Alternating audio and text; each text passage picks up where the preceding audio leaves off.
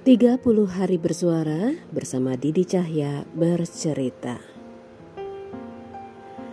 Hai ayang-ayang Didi.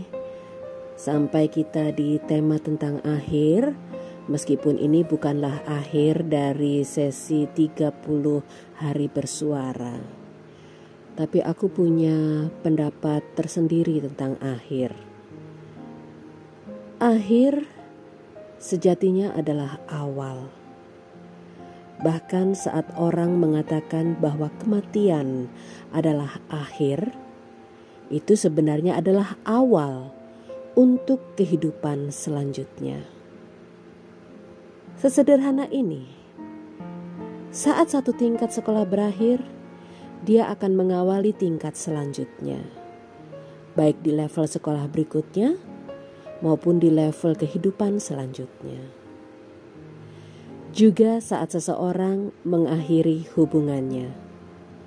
Bisa jadi itu adalah awal dia akan memulai hubungan yang sebenarnya. Jadi, jangan takut pada akhir, karena akhir sejatinya adalah awal.